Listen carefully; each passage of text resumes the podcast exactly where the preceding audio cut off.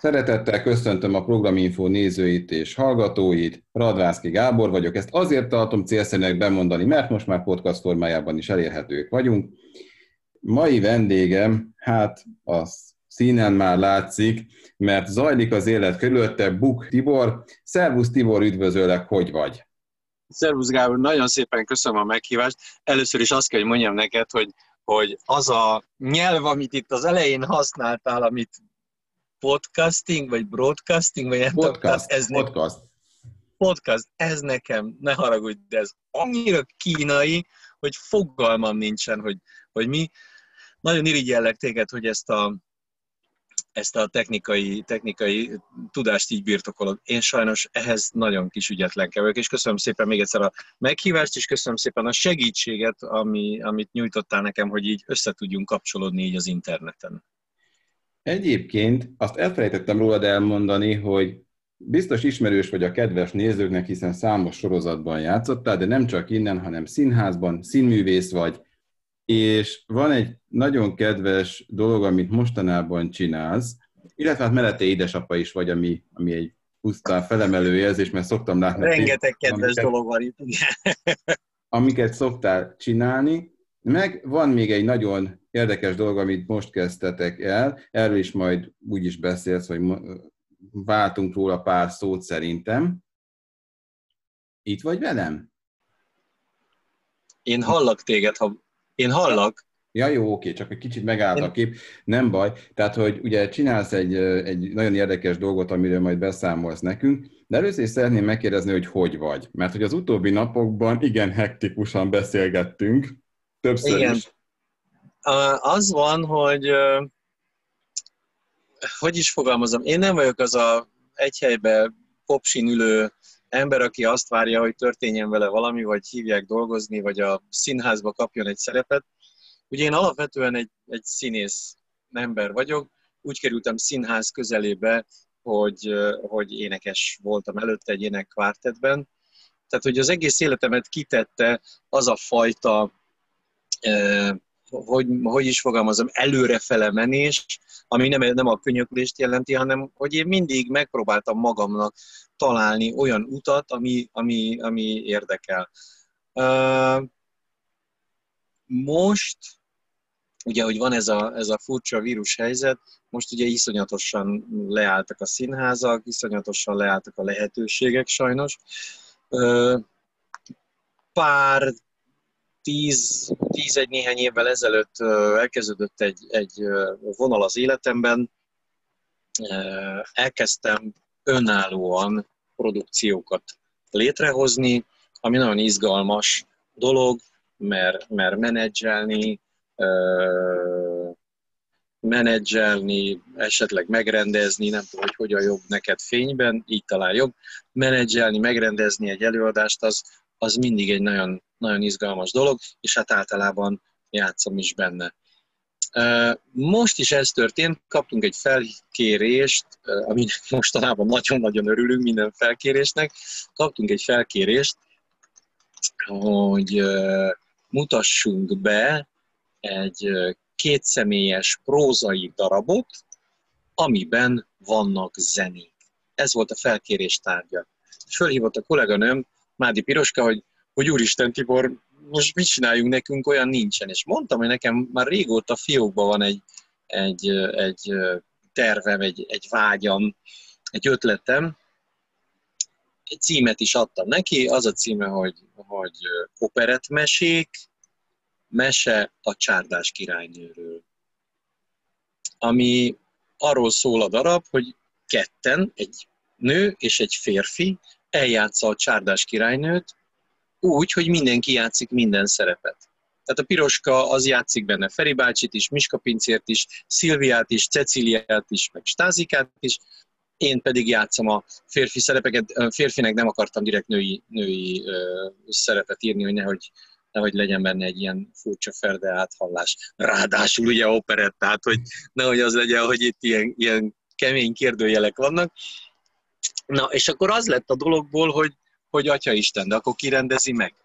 Hát és akkor mondtam, hogy hát figyelj, de ha nincs más, akkor én megrendezem, tehát mondjuk ez nem egy, nem egy egészséges dolog, hogy, hogy rendezem is, meg játszom is, mert ugye a külső szem az nekem is kell, én sem, én is támaszkodom a rendezőkre, hogy figyelj, ez nem jó, ez nem áll jól, ez nem, nem ezt feljezi ki, tehát ez mi belülről a színpadon teljesen másként érzékeljük a, a, a világot, a színház című világot, mint mondjuk egy, egy külső szemmel bíró uh, rendező mondjuk. Na, és akkor ez volt vasárnap, ezt csináltuk meg, nagyon kevés időnk volt rá próbálni. Színház az a gyakorlat művészete, azért kell begyakorolni a, a dolgokat, hogy amikor, amikor ez a stressz helyzet van, amikor előadás van, amikor az embert nézik, és nem tud, nem, nem civil fejjel gondolkozik, akkor, akkor tudja, hogy miután mi következik, meg mit miért mond. De most erre nekünk nagyon kevés lehetőségünk volt, és itt ugye egyik jelenetből kiesünk, elmondjuk a jeleneteket, el is énekeljük az összes csárdás királynőben szereplő dalt, el is éneklődik, és utána egy másik karakterben jön vissza az ember, annyi idő alatt, hogy nem úgy van, mint egy rendes színházban, hogy kimegyünk a takarásba, hanem van hátul színpadon középen egy, egy fogas, amire különböző kellékek vagy kiegészítők vannak felakasztva, és akkor azt e, magára téve, mondjuk a Feri bácsi az egy hosszú fehér sál, felveszem a fehér sálat, és már Feri bácsiként jövök vissza. Tehát van mondjuk egy másodperc, vagy két másodperc átállni agyban, hogy amikor az ember mondjuk bóni, és így beszél, és egyszer csak be kell jönni Feri bácsiba aki egy másik karakter, másként fogalmaz, vagy esetleg Edwinbe, ami, ami szintén egy, egy teljesen másik karakter. Most így gyorsan megmutattam három, három karakter. De ez volt vasárnap.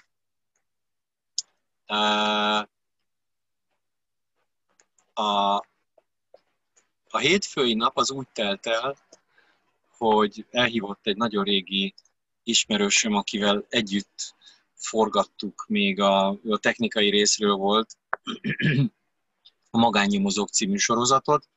Arról azt kell tudni a Magánnyomozók című sorozatról, hogy én voltam az egyetlen főszereplője a darabnak, én minden egyes epizódban szerepeltem, és négy stáb forgatta. Hétfőn, kedden, szerdán, minden héten, bocsánat, minden héten négy filmet forgattunk, az első két film forgatódott hétfőn, kedden, szerdán, a második két film forgatódott szerda, csütörtök, pénteken. Négy különböző stáb, tehát minden stáb egy filmet forgatott. és akkor én jártam körbe-körbe, és, és akkor az éppen aktuális, aktuális jeleneteimet megcsináltam. Uh, és akkor ez a Tamás nevű barátom ez az egyik stábnak volt az asszisztense, a lelke. És aztán ő belekezdett egy, egy saját különfilmes karrierbe, különböző animációs dolgokat csinál, nagyon-nagyon-nagyon érdekes dolgokat, és többek között reklámfilmet forgat. És akkor egyszer csak elhívott egy, egy reklámfilm forgatásra, azt természetesen nem mondhatom el, hogy milyen jellegű reklámfilm, de, de egy reklámfilm. Majd kiderül. Valami. Forgatott. Ilyen fogják játszani a tévében egyébként. Ez volt a tegnapi nap, tehát hogy vasárnap író, rendező és főszereplő voltam, nagyon furcsa körülmények között, tehát ez is, ez is egy olyan, hogy, hogy az, még, az még külön nehezített a lelkünkön, amikor megérkeztem. Egy mezőn volt egy teherautó, és a teherautóból csináltak színpadot. Tehát, hogy, hogy egy igazi ekkós szekér játék volt. Először nagyon megijedtem, hogy mi lesz, de a nézők nagyon lelkesek voltak, és nagyon, nagyon szépen fogadták egyébként a dolgot. Tehát, hogy vasárnaphoz képest lett egy forgatásos nap egész nap, mert reggel 9-től este 9-ig tartott a forgatás. Ma pedig és ezért késtem a, a, megbeszélt rendezvúhoz képest egy picit, és ülök itt egy autóban, mert még nem jutottam haza, és még, még messze lesz a haza. Ma pedig át kellett vennünk, vennem, mert még csak nem, én nem vettem át a társaságból, egy szponzori motoros ruhát.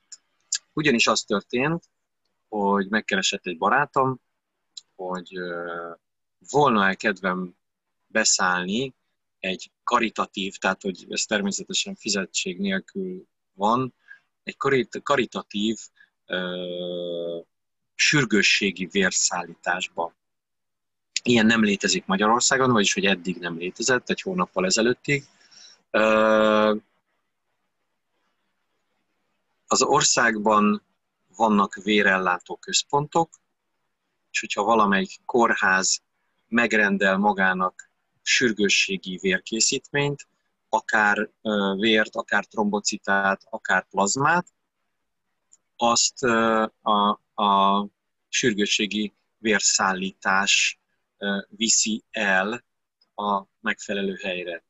A sürgősségi vérszállítás eddig autóval működött, és mi azzal bővítettük a, a, a lehetőségeket és a flottát, hogy három darab motorkerékpárral a, ennek a, a munkának megfelelően átalakítva, a, felszerelve hűtőládákkal, vész villogóval, kék villogóval, szirénával, összevizsgáztatva. Tehát, hogy három motorkerékpárral beszálltunk ebbe a dologba, és hát egyelőre azt látjuk, azt látom, hogy nagyon, nagyon, hogy is mondjam, lelkesen, ez nem jó szó, de nagyon őrületes nagy szeretettel és borzasztó rácsodálkozással fogadnak minket, mert hogy olyan rövid idő alatt érünk oda szirénás motorral, akár Budapesten, akár az egész országban, mert Kaposvártól kezdve mindenhova szállítanak, ahol, ahol van kórház, szállítanak vérkészítményt, hogy, hogy, hogy, hogy arra az ottani fogadófél eddig nem nagyon volt felkészülve lelkileg. De most hál' Istennek mi, mi beléptünk ebbe a, abba a dologba, és hát az egy elképesztő élmény, kollégáimtól is hallom, meg hát én is megtapasztaltam, hogy az ember kék villogóval, szirénával elmegy valahova, elvisz valamilyen vérkészítményt, és ott, ott azt mondják, kikapják a kezedből, és azt mondják, hogy úristen, már nagyon vártuk, de jó, hogy ilyen gyorsan jöttél, és elrohannak vele. Tehát, hogy minden, minden perc számít, és minden perc uh, segítség talán egy ember életébe kerül. Na és akkor ehhez kaptunk mi különböző szponzorok által összedobott nagyon drága ruhákat, itt nagyon drága ruhákról beszélünk, több százezer. Hoppá! Itt vagyok, csak kiesett a kezemből a telefon. több százezer lányos zavaromba több százezer forintos ruhákról beszélünk, és akkor ezt, ez, ez érkezett meg a, a megfelelő motorosboltba, és ezért kellett nekem elmennem, felpróbálni többféle méretet, hogy mi az én pontos méretem, és ezt kellett ma átvenni, és nagyon boldog vagyok, és van egy nagyon szép motoros ruhám. Azért ez hát fontos. Így. Igen. Még mielőtt nagyon belecsapunk a lecsóba, és visszatérünk ide ebbe a a kis, folytatjuk ezt a történetet, még lenne azért pár kérdésem még mindegyik elemethez, amit említettél, hogy te mindig is színésznek készült. Egyébként milyen gyerek voltál? Ér krumplit enni közben? Persze. Mert hogy megbeszéltük, hogy ez egy rendhagyó adás lesz, mert rendhagyóan sokat, ú, rendhagyóan úton vagy állandóan. Hát erre azt kell, hogy mondjam neked, hogy ha valaki olyan 22 éves korom, 23 éves korom körül azt mondja, hogy én színpadon fogom a kenyeremet keresni, akkor én azt kiröhögöm. Tehát, hogy ennyire nem készültem én, én gyerekként uh, ilyen, ilyen pályára. Én egy egészen egyszerű munkás családból származom. A, az édesanyám is, meg az édesapám is egy teljesen egyszerű, normális munkás ember volt. Uh, volt a családban mindig is ilyen művészi vonal. Nagypapám gyönyörűen festett, az édesapám, édes, édesanyám édesapja. Gyönyörűen festett, elképesztő verseket írt. A, a, a nagybátyám az ő egyik gyermeke, az fantasztikusan zenél, gyönyörűen muzsikál. Tehát, hogy ez, ez, ez, ez a fajta hajlam, ez, ez benne volt genetikailag így a, a mi kis életünkben, de, de hát én, én teljesen a, a, a szüleim életét követve én próbáltam egy, próbáltam egy, egy műszaki pályát megtalálni, meg sportoló voltam. Apropó sportoló, a lovaglás onnan származik? Onnan ered? A lovaglás után... A, lovag... a lovaglás sem onnan származik. A lovaglás az, az egy nagyon érdekes dolog. Én, én úszó, úszó és kézilabdázó familiában nőttem föl. Hét hónapra születtem, nagyon kis beteges gyermek voltam, és akkor azt mondta a, a, a doki, hogy vigyék el ezt a gyereket, mondjuk úszni. Akkor voltam négy és fél éves kisfiú. Egyik szemem le volt takarva, mert 13 dioptriás szemüvegem volt. Ilyen kis kukker voltam, biztos mindenki látott már ilyet, hogy milyen visszahajló drótkeretes szemüveg. Igen. Egyik szeme letakarva. Na, én ilyen voltam. és akkor elvittek úszni, és én egy éven belül a Honvédnak a versenyúszója voltam, és nyertem nagyon komoly uh, meccseket. Pillangó volt a, a szakterületem, a pillangó úszás. Uh, azóta egyébként nem tudok pillangózni, tehát ez nagyon durva, hogy az ember ebből kiesik, és akkor... És aztán ezt végül is azért kellett abba hagyni, mert, mert a szüleim egész egyszerűen nem bírták azt a fajta logisztikai megterhelést, hogy engem mindig el kell vinni az úszóedzésre hajnalba, az iskola előtt, és utána az iskola után is minden nap. Aztán közben megszületett a kishugom is, tehát hogy, hogy egyszer csak ez így, így logisztikailag ez, ez, ez szétborult ez a dolog. De aztán elkezdtem kézilabdázni, édesapám kézilabdázó volt, meg kézilabda edző, meg a Magyar Kézilabda Szövetségnek valami vezetője. És akkor gondolom, hogy ebből így egyenes arányba következett annó, ugye 70-es, 80-as években, hogy ez inkább a 70-es évek, hogy, hogy a, a gyerek az apja nyomdokait követi, és akkor azt is nagyon sokáig csináltam, tehát én nagyjából 18 éves koromig uh, nagyon keményen sportoltam, és, és, és csináltam, és aztán jött a lovaglás, ami, ami nagyon érdekes, az úgy jött, hogy főiskolások voltunk már, színművészeti főiskolások, bocsánat, színművészeti egyetem, most ugye ez egy érzékeny téma, igen. Ebben nem is nagyon mennék bele, hogy ez, erről én mit gondolok. Szóval, hogy, hogy akkor már a, a színművészetire jártunk, és első utáni nyáron meghívott az egyik osztálytársam, mondván, hogy ő csinál egy gyerek lovastábort a Bakony közepén. Ezt az osztálytársamat úgy hívták, hogy Pintér Tibor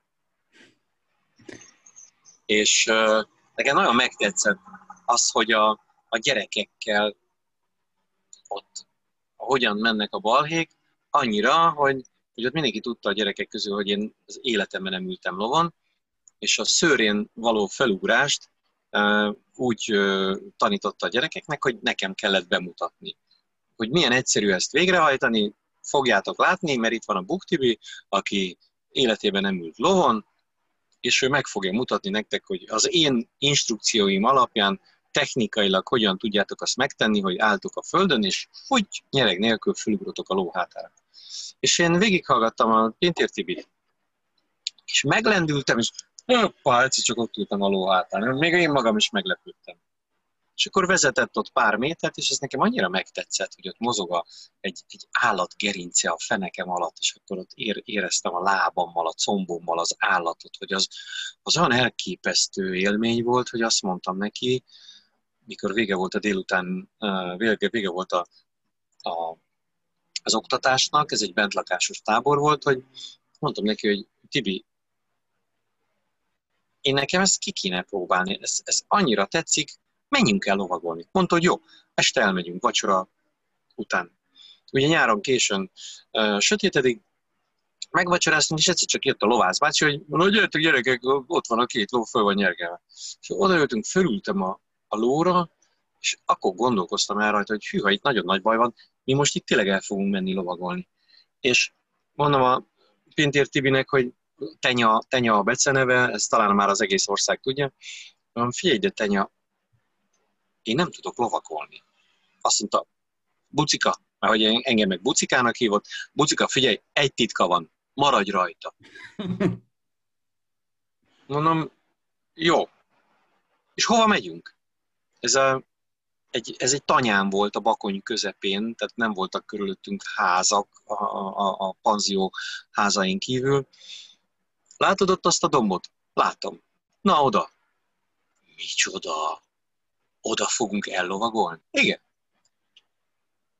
Jó. És képzeld el, hogy őzeket kergettünk. Meg ilyen elképesztő. Fogalmam nem volt, hogy lovagollok, és ez valószínűleg egy nagyon jó pedagógiai módszer, és ugye nem véletlenül gyógyítanak beteg gyerekeket lovas terápiával. Egész egyszerűen nem arra figyeltem, hogy én lovagolok, és hogy én hogyan kell helyesen ülni, vagy szépen ülni. Most azért lehet, hogy engem meg fognak kövezni a, a, a, a nagy lovasok, de nem azzal foglalkoztam, hogy, hogy hogyan kell ügetni, meg hogy helyes ütembe, nem tudom, bénázzak, meg menjen már, az a ló, menjen már, mindig az van, hogy karámba lovagolsz, akkor lusták a lovak, és akkor rugni kell. Tehát, hogy egy, az egy nehéz feladat egy kezdőnek, hanem ment magától a két ló. Ugye az én lovam ment a tenyalova után, ketten voltunk, ő pedig ráindította az őzikére, vagy a szarvasokra, és tyung, repültünk árkombokron keresztül életemben először ültem lova. Kikapcsoltad a mikrofont. Valami történt. Itt vagyok? Igen, kikapcsoltad a mikrofont. Jó. Nem, nem, nem, nem. Nekem jött egy bejövő hívásom, és ö, ö, azt lezártam, és akkor egyébként pont a lovas edzőm hívott, milyen érdekes a világ. Na mindegy. Tehát, hogy igen, így ez volt az első alkalom. Örületes élmény volt. És mindenkinek azt kívánom, hogy aki először lovon ül, az nem biztos, hogy ez az útja mindenkinek, nem, nem biztos, hogy ilyen módon kell, de hogy legalább ekkora élmény szerezzen neki, neki maga a lovaglás élménye. Az őrületes volt. Tegnap mit ad Isten, nézem a Facebookot, és bejelentkezik Tibor barátom, egy kávézó teraszáról éppen reggelizik, és, és mondja, hogy ott lakott a környékén a Verespálné utcában. A Verespálné utca azért érdekes számomra, mert az közel van a Közgazdaságtudományi Egyetemhez, én meg oda jártam, és gyakorta jártunk a Verespálné utcába. Akkor és... neked megvan a Green Cingi borozó? Igen. És... Ez itt a reklám helye. Igen. És néztem ott, hogy milyen szépen beszélt, és mondtad, hogy te több zenekarban is játszott. Egyébként a zenekar az ötlete az hogy jött, hogy te beszállsz egy ilyen zenekarba, és ott te nagyon aktív tag leszel, és majd utána később színművészeti egyetem? Hát először volt a muzsikálás, és uh, van mellettünk, ahol állok, bocsánat, ez pici zárójelet hagynisak. Mindjárt meg is mutatom van mellettünk, ahol állok, én egy parkolóban vagyok, ezt is elárulom, a Decathlon áruház parkolójában, és katasztrófa turizmus van itt mellettem. Mindjárt mutatom, hogy miért. Mondd, hogy mit látsz, várjál, lehúzom az ablakot. Mert én ebből a pici képernyőn nem látom, hogy te látod-e. Igen, kiégett autó.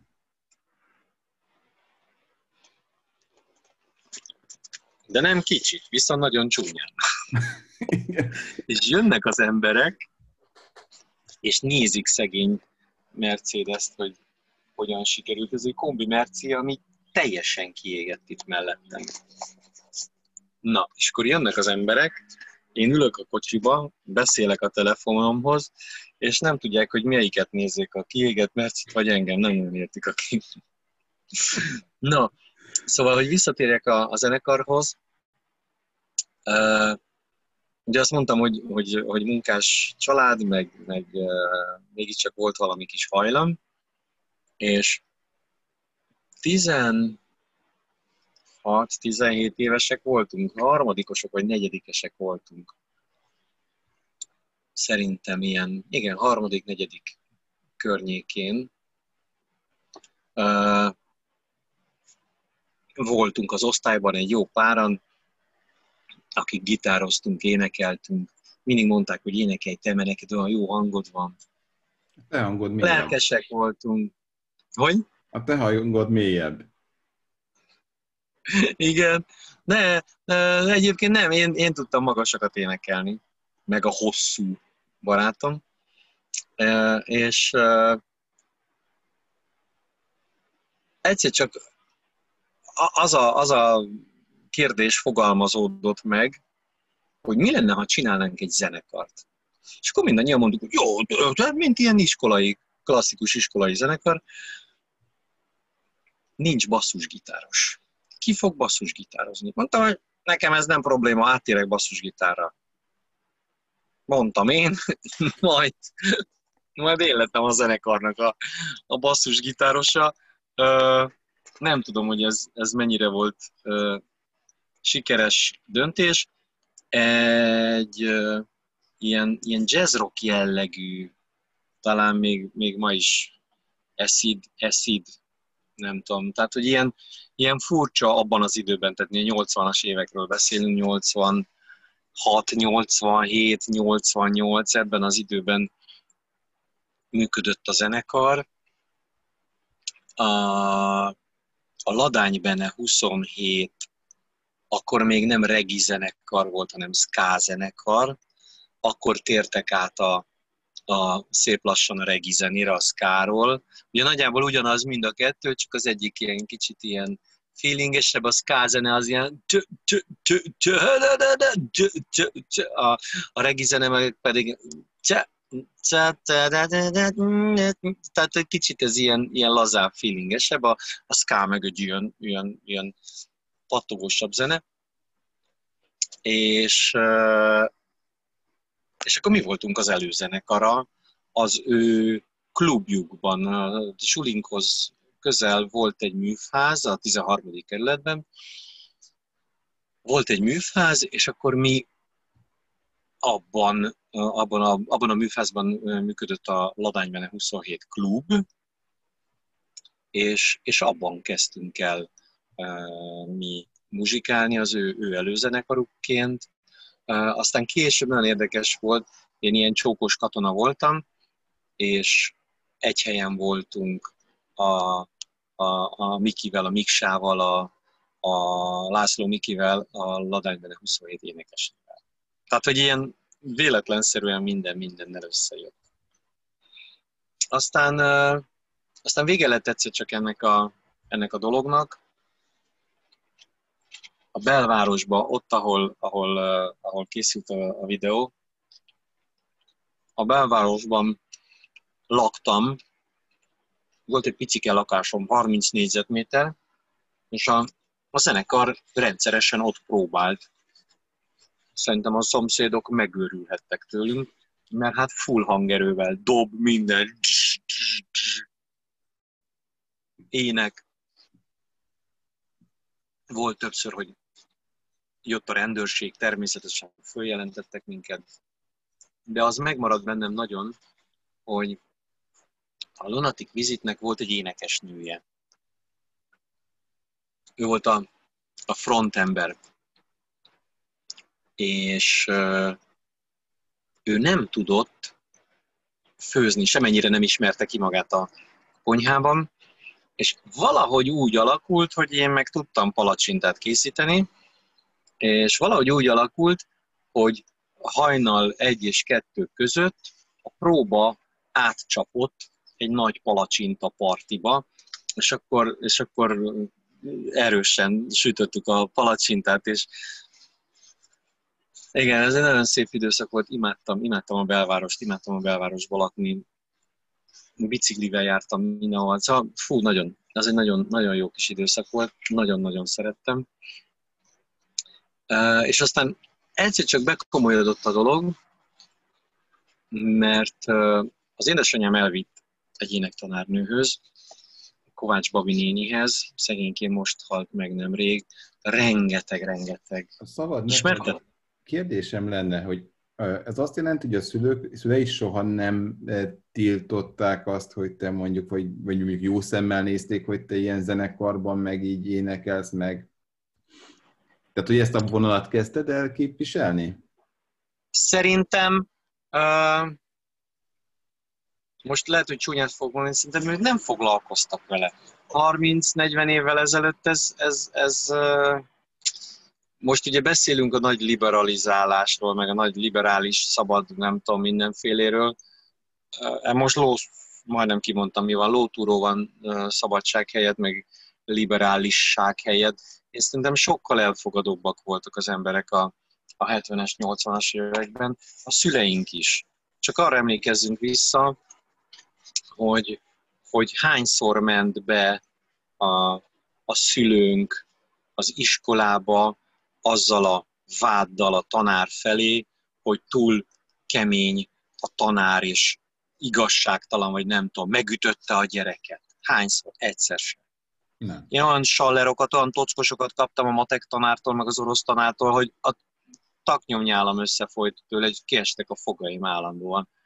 De eszébe nem jutott volna a hatalmas méretű édesapámnak, iszonyatos méretű kézilabdázó volt, bemenni és azt mondani, hogy még egyszer megüti a gyerekemet, akkor fasítot csinálok magam. Nem, mert ez természetes volt, hogy a tanár, a pedagógus napi 8-10-12 órában együtt van a gyerekkel, és neveli, és ezt az emberek elfogadták, liberálisan tekintettek ugye a, a, a, a dologra. Ma meg mi van, hogyha szarabb jegyet kap a gyerek, akkor, akkor a tanár már följelent, vagy a szülő följelenti a tanárt, ami egy baromság, már bocsánat, hogy ezt mondom, emlékezzünk vissza a saját gyerekkorunkra. Tehát, hogy nem, a szüleim, szüleim hát persze most én próbálok visszaemlékezni 51 évesen a tinédzser koromra, de nem, nem emlékszem, hogy, hogy ők bármiféle kérdőjellel álltak volna e, e, ennek a dolognak az útjába. Annyira nem, hogy, hogy az édesanyám e, elkezdett énekelni egy, egy vendéglátó zenekarba, és ő vitt el az énektanárához, ehhez a bizonyos Babi nénihez, Kovács Magdához és, és, és, és kérdezte, hogy volna-e kedvem tanulni, énekelni, foglalkozni ezzel a dologgal, mert én olyan szégyelős kisfiú voltam mindig, hogy szégyelős srác voltam, és bezárkoztam a szobámba, de az kihallatszódott, és akkor anyukám mindig hallgat, hogy ez egész jó, ezzel lehet, hogy, hogy ilyen iskolai szinten kéne már foglalkozni vagy pedig annyira szar volt, hogy, hogy hát ezt inkább tanulni kéne még. Na mindegy. Szóval, hogy az a lényeg, hogy, hogy igen, a, a szüleim azok, az édesanyám egészen biztos, hiszen az ő énektanárához mentem el, segítették ezt a, ezt a vonalat. Aztán, amikor meg már egyedül laktam, 21 éves koromban én már egyedül laktam, akkor meg, meg egyszerűen becsöngetett hozzám valaki, és és meghívott egy kvázi meghallgatásra egy énekkvártetbe. Az énekkvártet az azt jelenti, hogy négyen vannak. Mint kiderült, három nő, meg én lennék a férfi, hogy elment onnan a, a fiú énekes, és hogy keresnek egy fiú énekest. Engem hallottak, valaki ajánlott engem, hallottak a Fészek klubba énekelni, egy ilyen, egy ilyen Kovács Magdás növendékkoncerten, vizsgakoncerten, és aztán utána meg ezzel a Provokárt nevű formációval, akinek, aminek a vezetője azóta is a legjobb barátom, a Judit meg a Pisti, sőt a gyermekük az Ede, az én keresztfiam.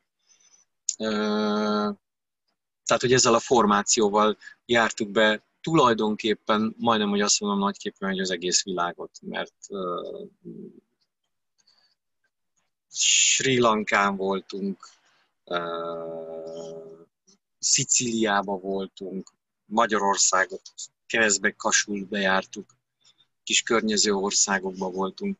Tehát, hogy, hogy igen. Ez És ennek most már vége? Hát, amikor felvettek a főiskolára, akkor mondtam, hogy bocsássatok meg, de ezt a kettőt nem lehet együtt csinálni. A főiskola a színművészeti, hogyha ha, ha valakinek van tapasztalata benne, azt tudja, hogy az, az, az nem is, hogy egész embert követel, hanem hogy 800 százalékkal ott kell lenni, mert egyébként, egyébként nem, tudod, nem tudod csinálni. Tehát, hogy ott az, hogy este tízkor kezdünk el próbálni benne az iskolába, az olyan természetes, mint hogy én most megfogom ezt a krumplit, és, és, és bekapom. Tehát, hogy az ott, az ott nem volt kérdés, hogy, hogy ha hajnalig tanultunk, ha hajnalig voltunk benne. Tehát az egy, az egy abszolút egész ember követő négy év volt. Nagyon tanulságos négy év volt egyébként, meg rengeteg, rengeteg élményt, meg, meg tudást ragasztott ránk, de, de amellett nem lehetett csinálni a, a provokárt énekvártettet. Említetted nem olyan régen Tenyának a nevét, ugye Pintér Tibornak. Én veletek Igen. úgy ismerkedtem össze, hogy uh, Bikalon uh, Dózsa a Név gyermeke című musicalt próbáltátok, és azon a héten volt a, a főpróba és a bemutató, az ős bemutatója ennek a musicalnek ott Bikalon, és egy hetet töltöttünk ott lent, én délutánonként rendszeresen jártam a próbára fotózni meg utána, és lett egy csomó kép ebből, és hát, hogy ez a barátság akkor megmaradt, és gyakorlatilag hasznára vált a lovaglás, hiszen a Nemzeti Lovasszínházban is rengetegszer fellépte meg, szerepelsz mai napig is, ha úgy van. Mai napig már nem sajnos, mert az van, hogy hogy fogalmazzam, őrületes, őrületes nagy gondolat ez a, őrületes nagy ötlet ez a, a Pintér Tibi részéről, a Tenyuska részéről. Én nagyon-nagyon tisztelem és nagyon becsülöm őt ezért is, és azért is, mert egyszer csak megérezte, meglátta, hogy ez ennek nem szabad, hogy meg, megálljon azon a szinten, amely ilyen szinten mi csináltuk, és itt egyetlen egy fejlődési irány van, az a lovas képzés és a lovas tudásnak a fejlesztése. Tehát, hogy ne csak az legyen, hogy bejövünk, szépen vágtázunk, szépen ülünk, nem tudom, szépen ügetünk a lovon, hanem hogy a, a lóval különböző lovas ügyességi bravúrokat lehessen végrehajtani. Ő ugye kizárólag ebben élt, kizárólag ezt csinálta, ez, ez az ő színháza, a Magyar Nemzeti Lovas Színház. Én pedig hát így nagyjából átlagosan azt mondom neked, hogy, hogy ilyen 5-6 színházban játszom átlagosan. Ez arra az időre nem volt igaz, amikor az Operett Színházban játszottam.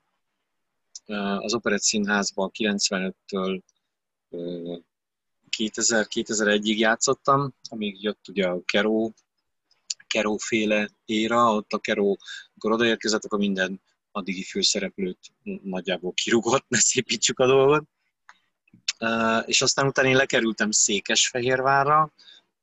Székesfehérváron 2001-ben, de Székesfehérváron is már ilyen, ilyen 2008-tól kezdve én, én el, eljárogattam Miskolci Nemzeti Színházba, Debreceni Csokonai Színházba, a Soproni Színházba, tehát, hogy elkezdődtek ilyen, ilyen vendégszereplések, és hát aztán ez, ez, ez annyira fokozódott, hogy nekem a lovas színház is egy, egy színház volt a, az éppen aktuális több színház között, és én, én képtelen voltam felvenni azt a lovas tempót, amit, amit ők e, tudtak, meg hát akkor már ilyen, ilyen 45 47 éves voltam, amikor ez a sztori amiről mesélek, ez így elkezdődött. És akkor én már 47 évesen azt éreztem, hogy én már nem tudok ö, több, bátrabb dolgot megtanulni, mint egy, mint egy egyszerű nem tudom, úrlovas, vagy nem tudom ezt hogy hívják, tehát mint, Értem. kvázi mint hobbi lovas, de persze annál többek voltunk, és, és nem szeretném le, ledegradálni az akkori uh, színvonalat, de, de tehát, hogy egy, hát a Tenya nagyon ügyesen megérezte, hogy itt, itt őrületes lehetőségek vannak a magában a lovas show fejlesztésében. És azt ők elkezdték, és egész egyszerűen ezen nincs mit szégyellenem, túlnőtt rajtam a dolog. És én egy olyan alkotó színész vagyok, hogy a, a, a habitusomnál, meg az alkatomnál, meg az adottságaimnál fogva én általában főszereplő vagyok. És én egyszer nem bírtam elviselni, hogy főszereplőként én kezdek lenni a legbénább. Mert azok a gyerekek, azok a fiatalok, akik ott felnőttek, azok egész egyszerűen olyan szinten kezdtek el lovagolni egy-két év alatt, tehát hogy ők, ők, ők, őket rákényszerítette a tenya, hogy, hogy napi, napi, napi több órás iskolába jártak, lovasiskolába, különböző lovasképzéseken vettek részt, és ez odáig, odáig fajult, odáig vezetett, hogy elképesztő szintű, elképesztő minőségű lovasok lettek. És én borzasztó kínosnak éreztem, hogy én, én meg a legbénább vagyok. És aztán, aztán azt mondtam, hogy ezt én így, így nem tudom csinálni, és nagyon szarul érzem benne magam, hogy, ez, hogy én vagyok a legügyetlenebb, és akkor így. Hát figyelj, ezt nektek kell tudni, és az az igazság, hogy tényleg ez, hogyha úgy érzi az ember, akkor, akkor ideje váltani, amit mondtál. Én a, én a mai napig csodálattal nézem, hogy, hogy miket csinálnak most már, tehát olyan szabadidomításokat, meg olyan, olyan szár nélküli, nyereg nélküli dolgokat csinálnak színpadon, tehát az, hogy az ember a mezőn csinál, vagy a karámba csinál valamit, az egy dolog, de ott azért ül 800 vagy ezer ember, szólnak a, hangok, villognak a fények, tehát hogy ez egy, ez egy olyan, olyan ö, presszió a lónak, hogy, hogy az a csoda, hogy a bóvó nem rohannak el a lovak, tehát hogy ezekre nagyon komolyan kell készülni lovasnak, lónak egyaránt.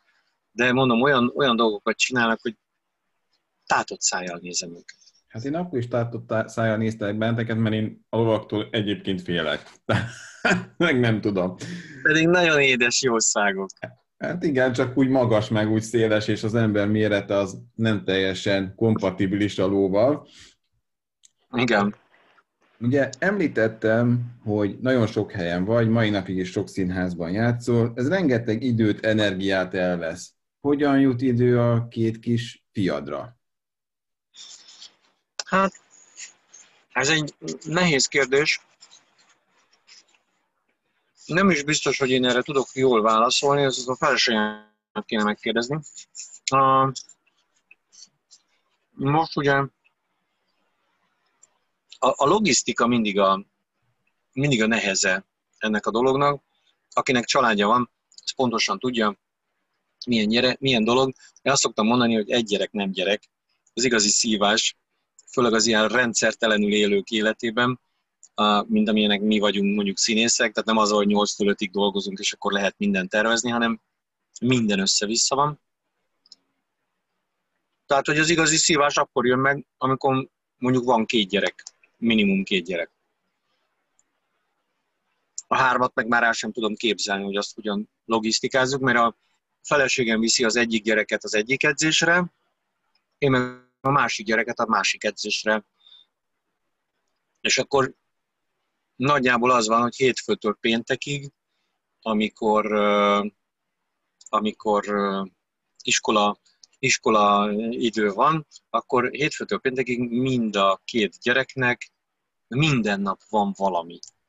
És nem olyan dolog, amit mi rájuk kényszerítettünk, hanem a kicsi, a Bende, hat éves, imád focizni, nagyon cukormányos, és ő mindig mondja, én focista vagyok. És neki hétfőn, szerdán, pénteken foci edzése van. Ugyanezeken a napokon a nagyobbiknak, a Levinek röplabda edzése van, amit egész egyszerűen rajongásig imád, és már nagyon-nagyon várja, hogy ő mehessen röplabdázni. Kedden a Bendének, a kicsinek, egyszer csak látott egy furuját, és ő közölte velünk első előtt, mikor ment elsőbe, tehát most nyáron, hogy ő szeretne tanulni furujázni. Sikerült kedre tenni a furuja órán, kedden furuja van.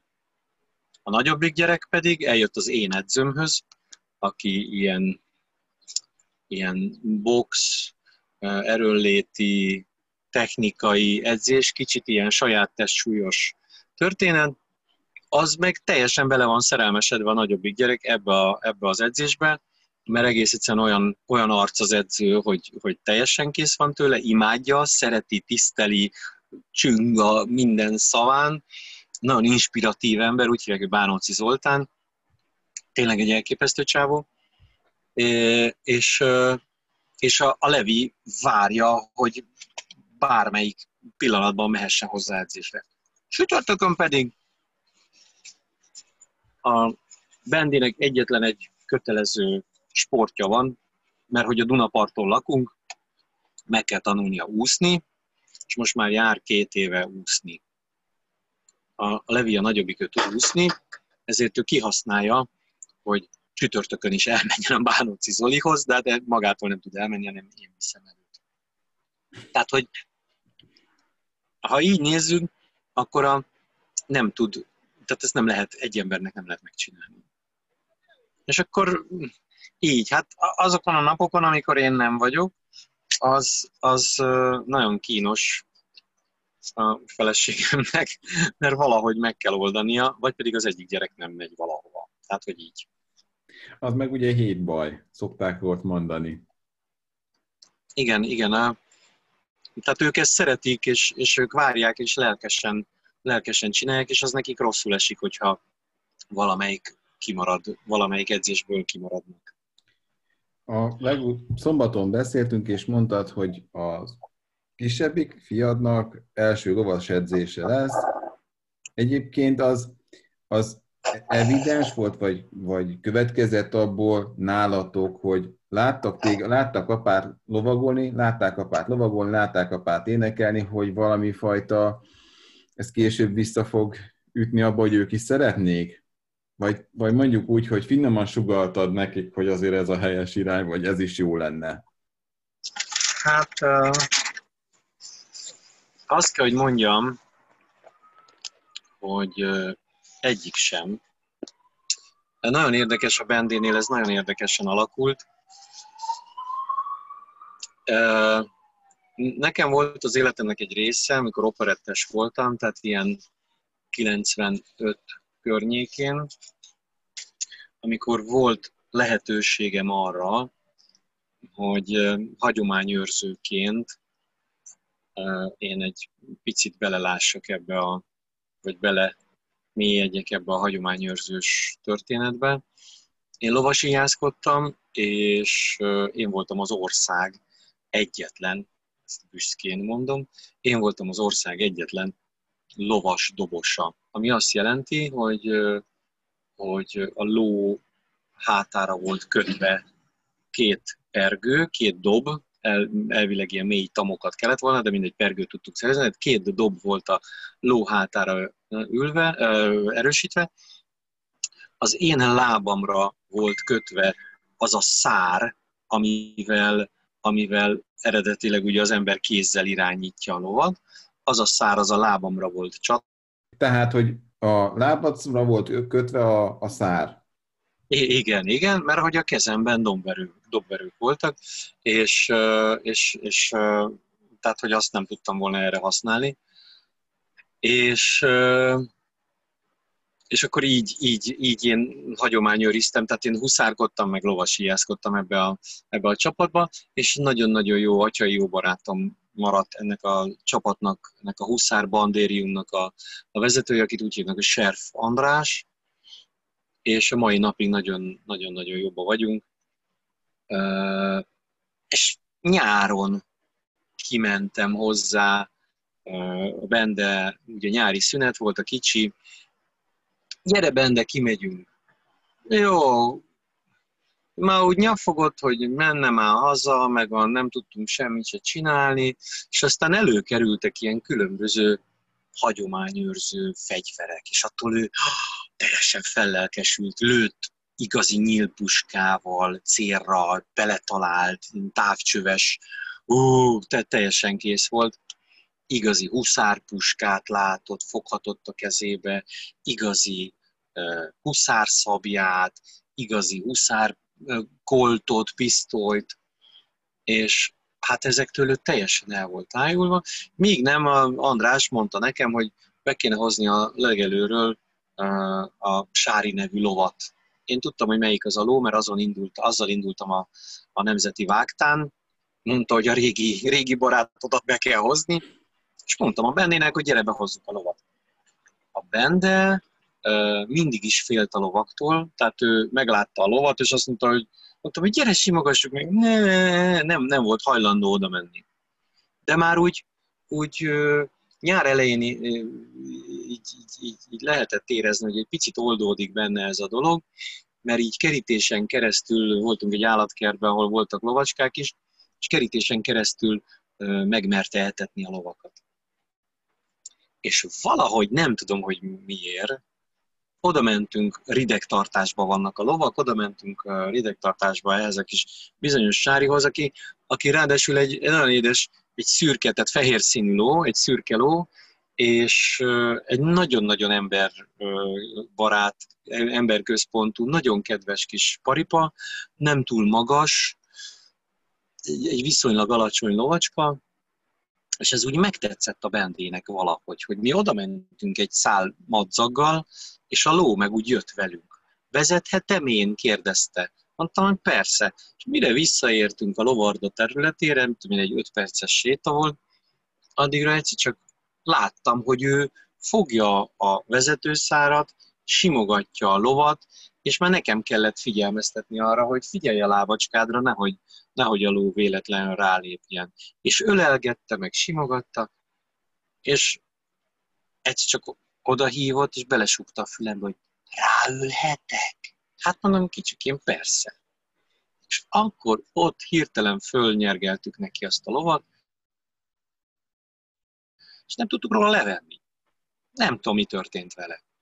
Először csak futószáron próbáltunk, és aztán futószár nélkül lépett, ügetett, játszottunk ilyen huszáros játékot, mert ez a Bandi bácsinak is megtetszett, a Serfandrásnak is megtetszett, hogy ugye benne ilyen lelkesen uh, nekiindult, dobáltunk neki karikát, amit ugye a huszár bemutatókon ilyen, úgy hívják, hogy karika dobás, feldobnak egy, egy ilyen fűzfaákból font karikát, és azt karddal, szabjával el kell találni, el, át kell szúrni.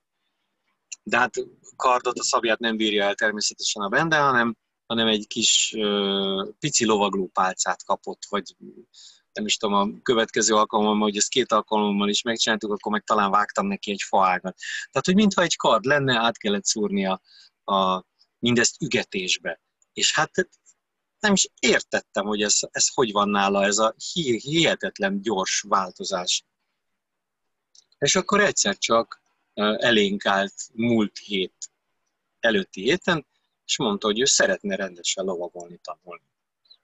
És mondtuk, hogy jó, kerestünk a közelben egy lovardát, elvittük kettőbe, melyik a szimpatikusabb, ez, jó, és akkor oda mentünk. Hát így. Egyébként gyakran töltöttök így apa-fiai közös programot? Gyakran vannak? Hát én nagyon szeretem a gyerekeimet, és én nekem nagyon-nagyon sokat, nagyon sokat jelent az, az, hogy velük lehessek. Most is azért jöttem a Decathlonba, mert a nagyobbik gyermekem kapott egy, egy gördeszkát, egy nagy, nagy longboardot egy barátunktól, és az, az, az teljesen el van már öregedve és, és használhatatlan, és kellett neki venni hétvégén egy, egy gördeszkát, tehát hétvégén még gördeszkát is vásároltunk a Decathlonba. Viszont most kitaláltam, hogy lecserélem a, annak a rossz gördeszkának a, a csapágyait, és itt a Decathlonban lehet kapni gördeszka csapágyat, kerék kerekéhez csapágyat, és megcsinálom a kicsinek, mert a kicsi meg elkunyerálta a nagynak a régi gördeszkáját, és azon nagyon ügyes, csak mindig akarja, hogy a nagyon is mehessen. És akkor most megcsinálom neki azt a lepukkan nagy deszkát, hogy tudja használni. Azért vagyok itt a Decathlonnál.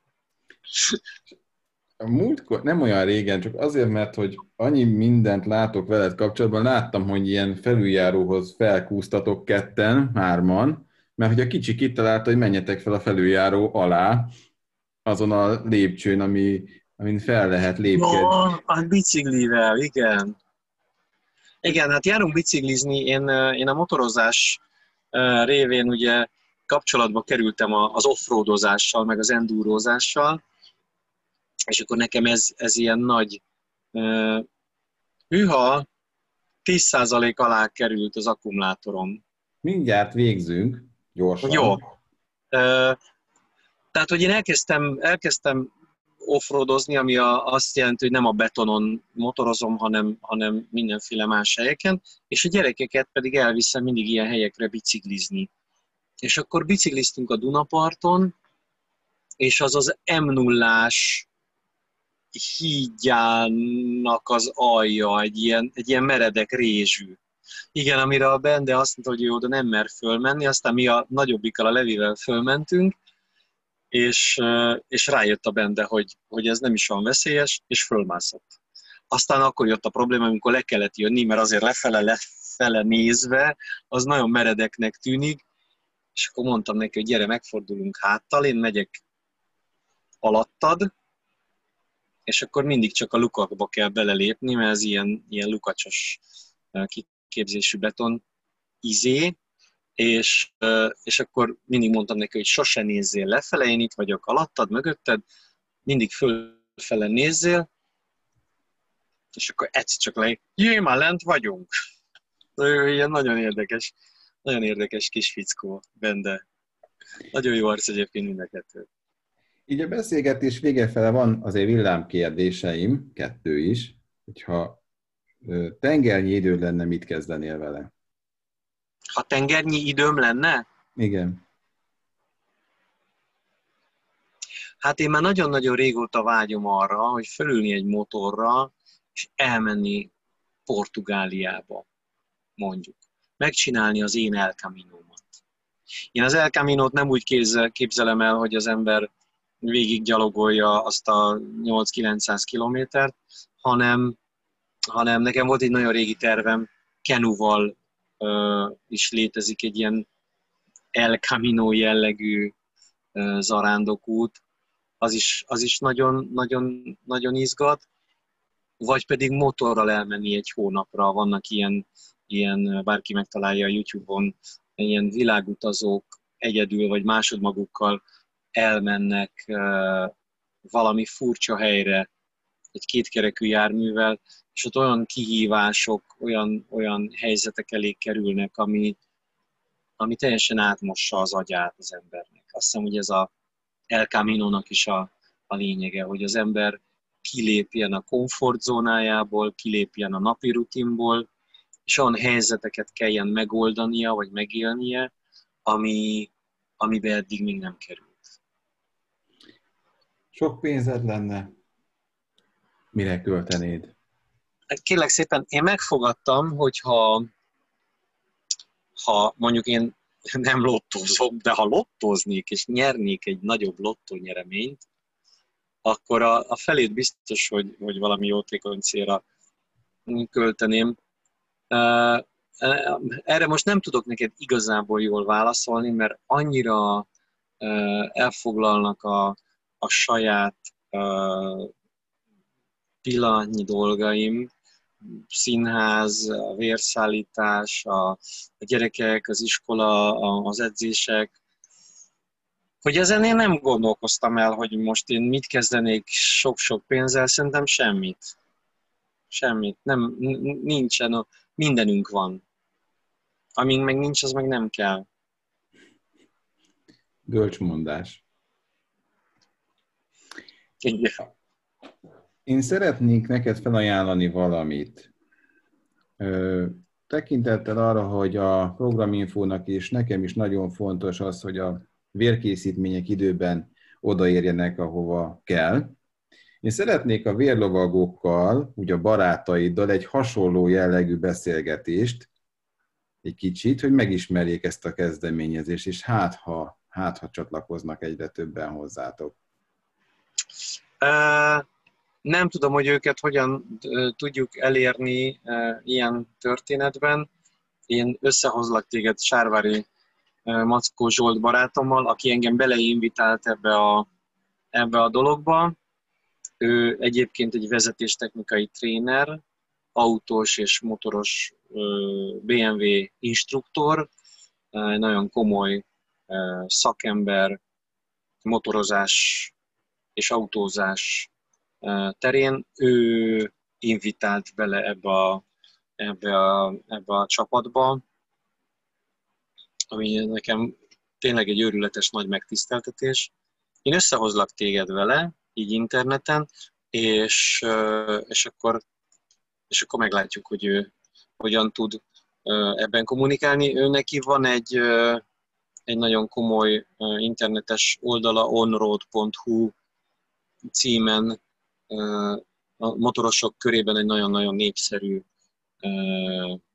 oldal, sok tesztet csinál ruháról, motorokról, mindenféle motorral kapcsolatos dologról, és hát mondom, ő egy nagyon híres ember motorosok körében, mert hogy rengeteg, rengeteg, rengeteg ember jár hozzájuk. Hál' Istennek a motorosok már, már megértették, hogy, hogy mint ahogy ugye próbálok visszautalni a beszélgetésünk elejére, hogy az a bizonyos külső szem, az nem csak a színházban tud segíteni, hanem, hanem a, motorozásban is el tudja mondani kívülről valaki, hogyha egy hozzáértő ember persze, hogyha valamilyen feladatot kell végrehajtani, motorvezetés technikai feladatot, vagy forgalomban megoldani valamit. Ugye itt a vezetéstechnikai tréningeken olyan szimulációk vannak, amik, amikkel nap mint nap az életben találkozik egy, egy, egy forgalomban közlekedő ember.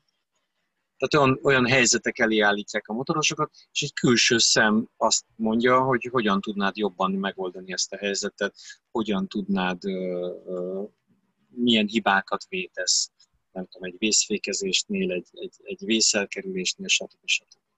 De összehozlak vele. Köszönöm. Még egy dolog, hogy neked hogyan tovább? Mi lesz a következő? Ma, vagy úgy egyáltalán? Úgy egyáltalán. Hát ugye van helyzet, Tudjuk, hogy volt helyzet. Nehéz, ez egy nehéz kérdés. A... Ezt most senki nem tudja, hogy, hogy hogyan és mikor lesz ennek a, a nagyon buta Covid helyzetnek a vége. Mm, nem is akarnék én, én találgatásokba bocsátkozni, nem tudom, tehát a színház, mint olyan, az, az haldoklik. Nagyon kevés ember mer színházba menni, nagyon-nagyon kevés néző van. Nem, nem tudom, nem látom át, hogy, hogy hogyan lesz ez most a közeljövőben jobb, vagyis hát sajnos azt kell mondjam, hogy a közeljövőben ez sehogy nem lesz jobb. Mindenki egy ilyen nagyon furcsa kétségbe esett létben lebeg ebben a szakmában. Nem tudok erre válaszolni. Mit kívánjak neked így a beszélgetés végén? Hát először is jó egészséget. Jó egészséget, az pont elég. Nagyon sok boldogságot a családdal, és hát sikereket. Hogy egyszer ez múljon el, aztán repüljünk úgy, mint régen. Legyen így, nagyon szépen köszönöm, ez nagyon-nagyon ránk fér. Köszönöm, Köszönöm, hogy itt voltál, és ígérem neked, hogy veled meg még majd visszatérünk, mert nem fejeztünk be minden témát, de hát sajnos mára ennyi, de jövünk veled vissza. Köszönöm, hogy itt voltál Jó. Nagyon szépen köszönöm én is a lehetőségeket, az Isten megáldjon mindenkit. A kedves nézőktől mára búcsúzunk, viszont látásra, viszont hallásra.